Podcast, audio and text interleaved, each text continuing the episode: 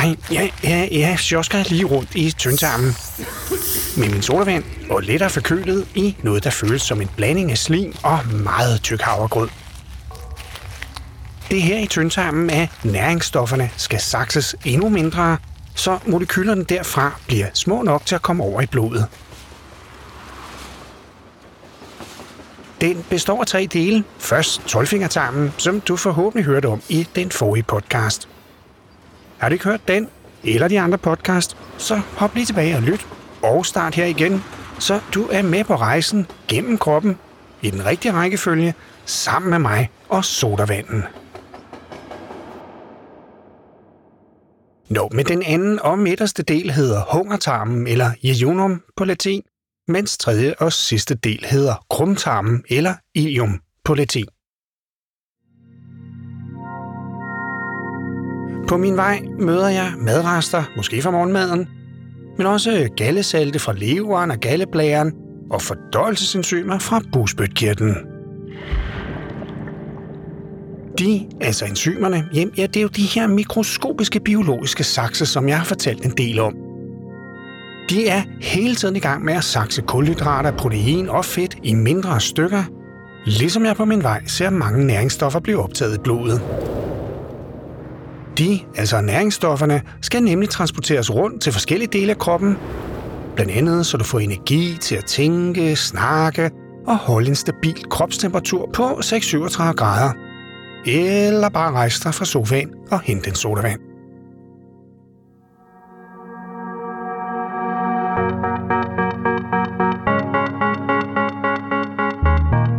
Som vanligt, så handler det slet ikke om det, men om, hvad der sker i din krop, når du drikker en sodavand. Og så skal vi igen virkelig nørde.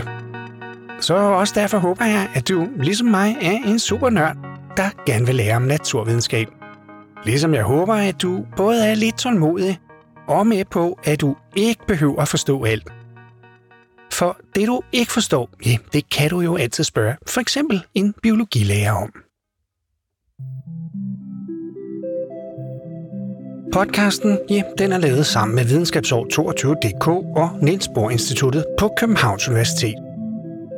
Og hvis du går i 9. klasse, ja, så kan du faktisk komme i praktik som fysiker og astronom, altså på Niels Bohr Instituttet. Hmm? Yes!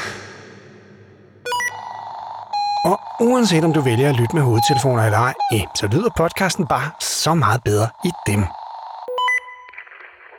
Nå ja, Selvom podcasten er til store børn og unge, så må alle andre altså også godt lytte med.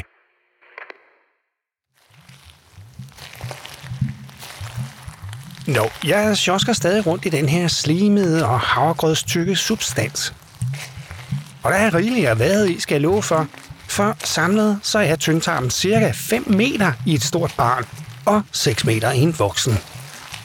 Det er altså virkelig langt og sådan cirka 3,5 gange mor eller far, der står oven på hinanden. Nu tænker du måske, hvordan i al verden er der plads til så meget tyndtarm i bare et menneske? Det er fordi, den ligger krøllet helt sammen inde i din krop. Lidt ligesom når dit vasketøj ligger krøllet sammen i en bunke på gulvet. Kan du så putte dit beskidte vasketøj i vaskemaskinen? Jeg siger det altså ikke en gang til. No. Kan du, kan du huske de der bronerske kirtler? Altså dem, der udskiller den der slim, som neutraliserer din hissige mavesyre. Den slim er super vigtig, for uden den vil mavesyren ætse sig lige gennem tyndtarmens vægge. Og det går selvfølgelig ikke. Men faktisk er den også vigtig for enzymerne. Den skaber nemlig de helt rigtige forhold for dem, så de bedre kan sakse kulhydrater, protein og fedt over i endnu mindre dele.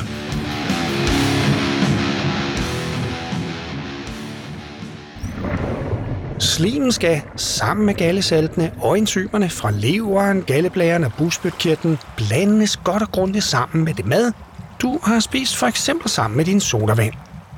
Og det sker ved, at tyndtarmen bevæger sig under fordøjelsen. Det er faktisk samme slags bevægelser som i spiserøret. Kan du huske dem? De peristaltiske bevægelser, som gør, at maden kommer gennem spiserøret og ned i maven, også selvom du ligger ned.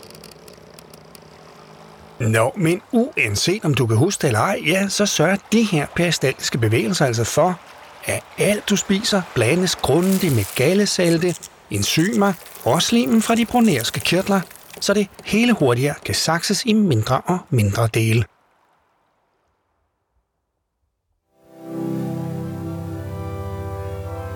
Tyndtarmens nok allervigtigste opgave, ja, det er nemlig at nedbryde molekylerne fra de næringsstoffer, som stadig er for store til at komme over i blodet. Derfor skal tyndtarmen netop sørge for, at så meget som muligt bliver sakset i så små stykker som muligt, så molekylerne kan optages i blodet. Dem skal du nemlig bruge i de milliarder celler, du har i din krop.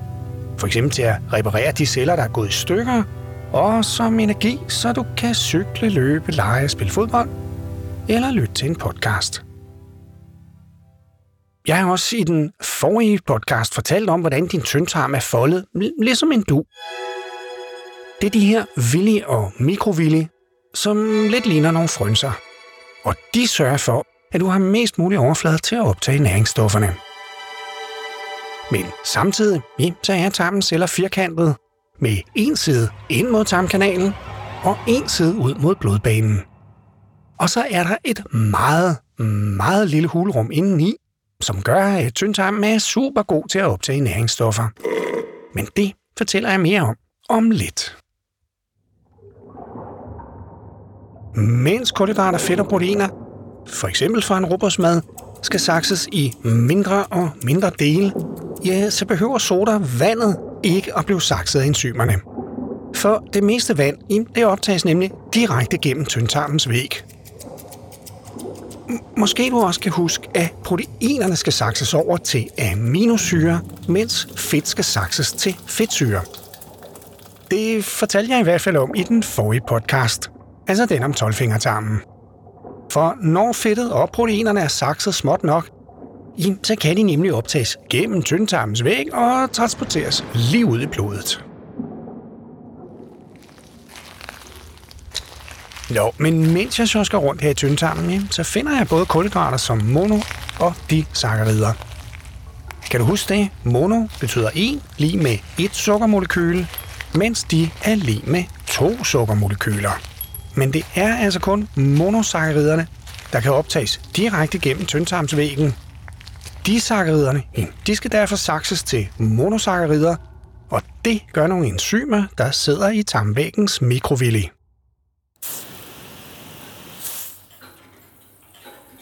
Fedtsyrene, ja, de skal stadig på en mindre rejse, før de er klar til at blive optaget i blodet. Den måde, monosakkariderne og aminosyrene bliver optaget gennem tarmvæggen, men det er ved, at de sendes hen til nogle kanaler, der kun åbner, når der kommer et monosakkarid eller en aminosyre. Så når der kommer en fedtsyre hen til den kanal, så vil den bare ikke åbne. Så lad os snakke om det først, og så mere om monosakkarider og aminosyre om et øjeblik. Okay, nu, nu, nu bliver det altså muligt endnu mere nørdet. Faktisk voldnørdet. Men jeg tror på dig, at du kan følge med. Og husk, du kan altid lige hoppe et minut tilbage i tid, altså her i podcasten, og lyt igen, hvis det bliver for svært at følge med.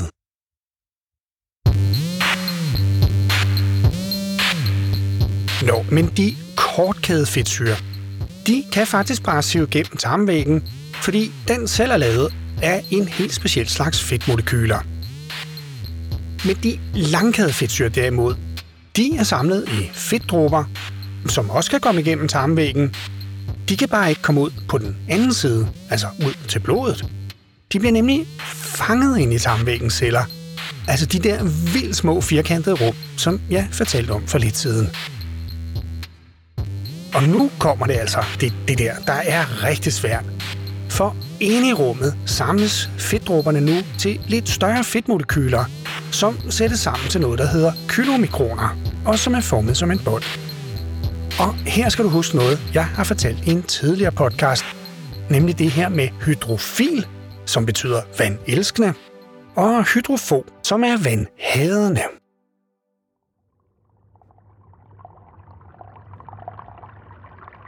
I kylomikronerne ligger de vandhadende fedtmolekyler inde i midten, og så med et vandelskende lag udenpå.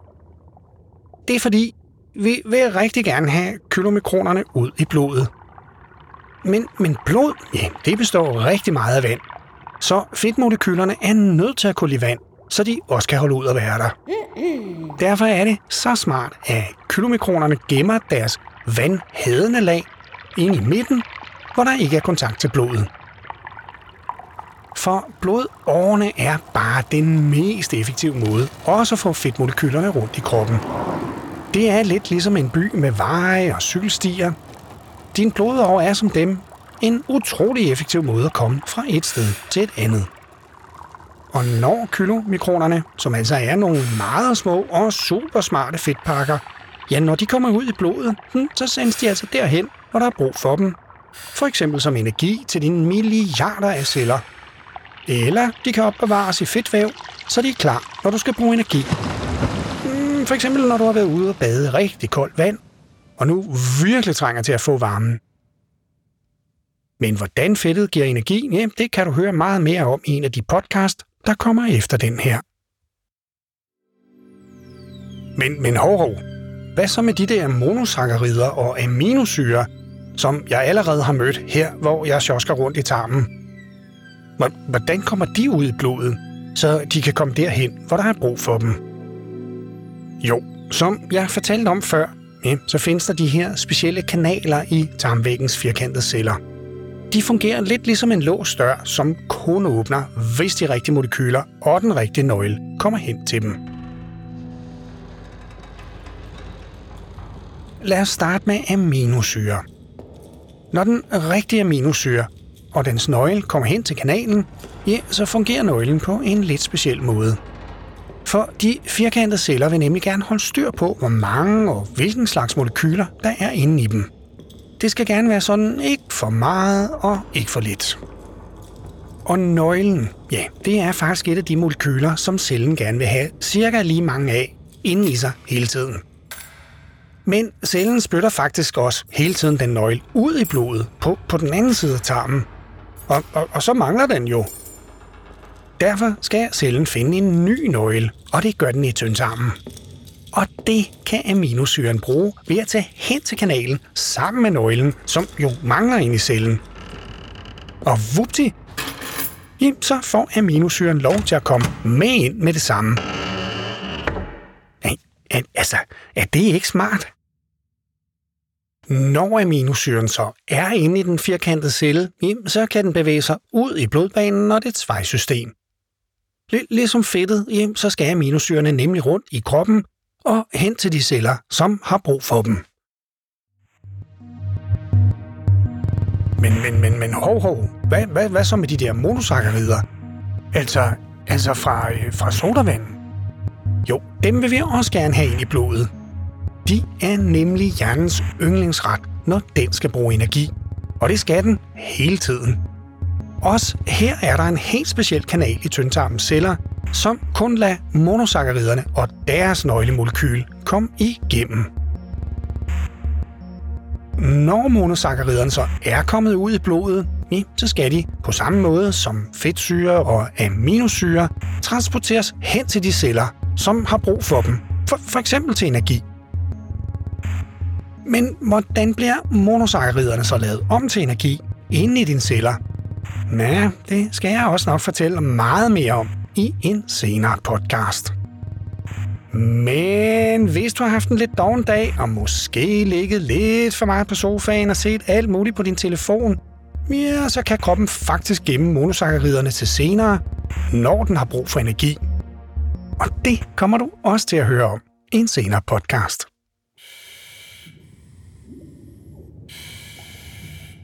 Og nu, ja, yeah, nu er alle proteinerne i form af aminosyre og alt fedtet i form af fedtsyre og de fleste kulhydrater i form af monosakkarider blevet optaget gennem tarmens specialceller. Næste gang, ja, så kravler jeg videre op i tyktarmen, hvor de sidste kulhydrater og det sidste af sodavandet bliver optaget. Og her, her får jeg altså virkelig brug for en gasmaske, Puha, hvor han lugter. Altså, både helt naturligt, men også virkelig fælt.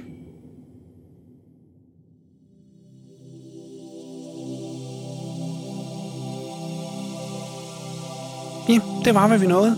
Igen en hel del. Så jeg håber ikke, at du sådan er helt rundtosset af al den viden og de mange navne og begreber. Og heldigvis, ja, så kan du jo lige spørge en biologilærer, hvis der er noget, du ikke sådan helt har forstået. Husk også lige at tjekke alt det spændende, der sker på videnskabsår22.dk. Her kan du for eksempel se YouTubes om kvantebanditter og den uligevigtige teenager. Podcasten er produceret af Socialøkonomiske Polychrom Media sammen med Videnskabsår 22.dk og Niels Bohr Instituttet i samarbejde med Marie Brein og Anja C. Andersen, som er professor i astrofysik og som forsker i stjernestøv. Yeah, stjernestøv.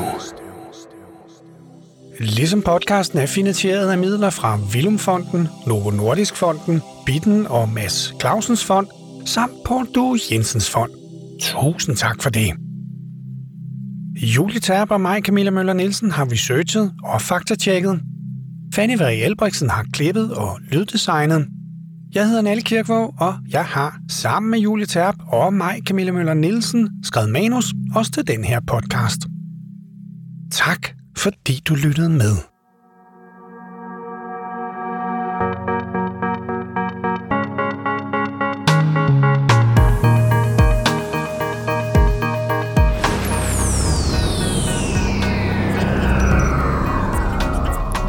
Naturligvis. Og det er jo noget af det, vi vil undersøge. Ja, lige netop.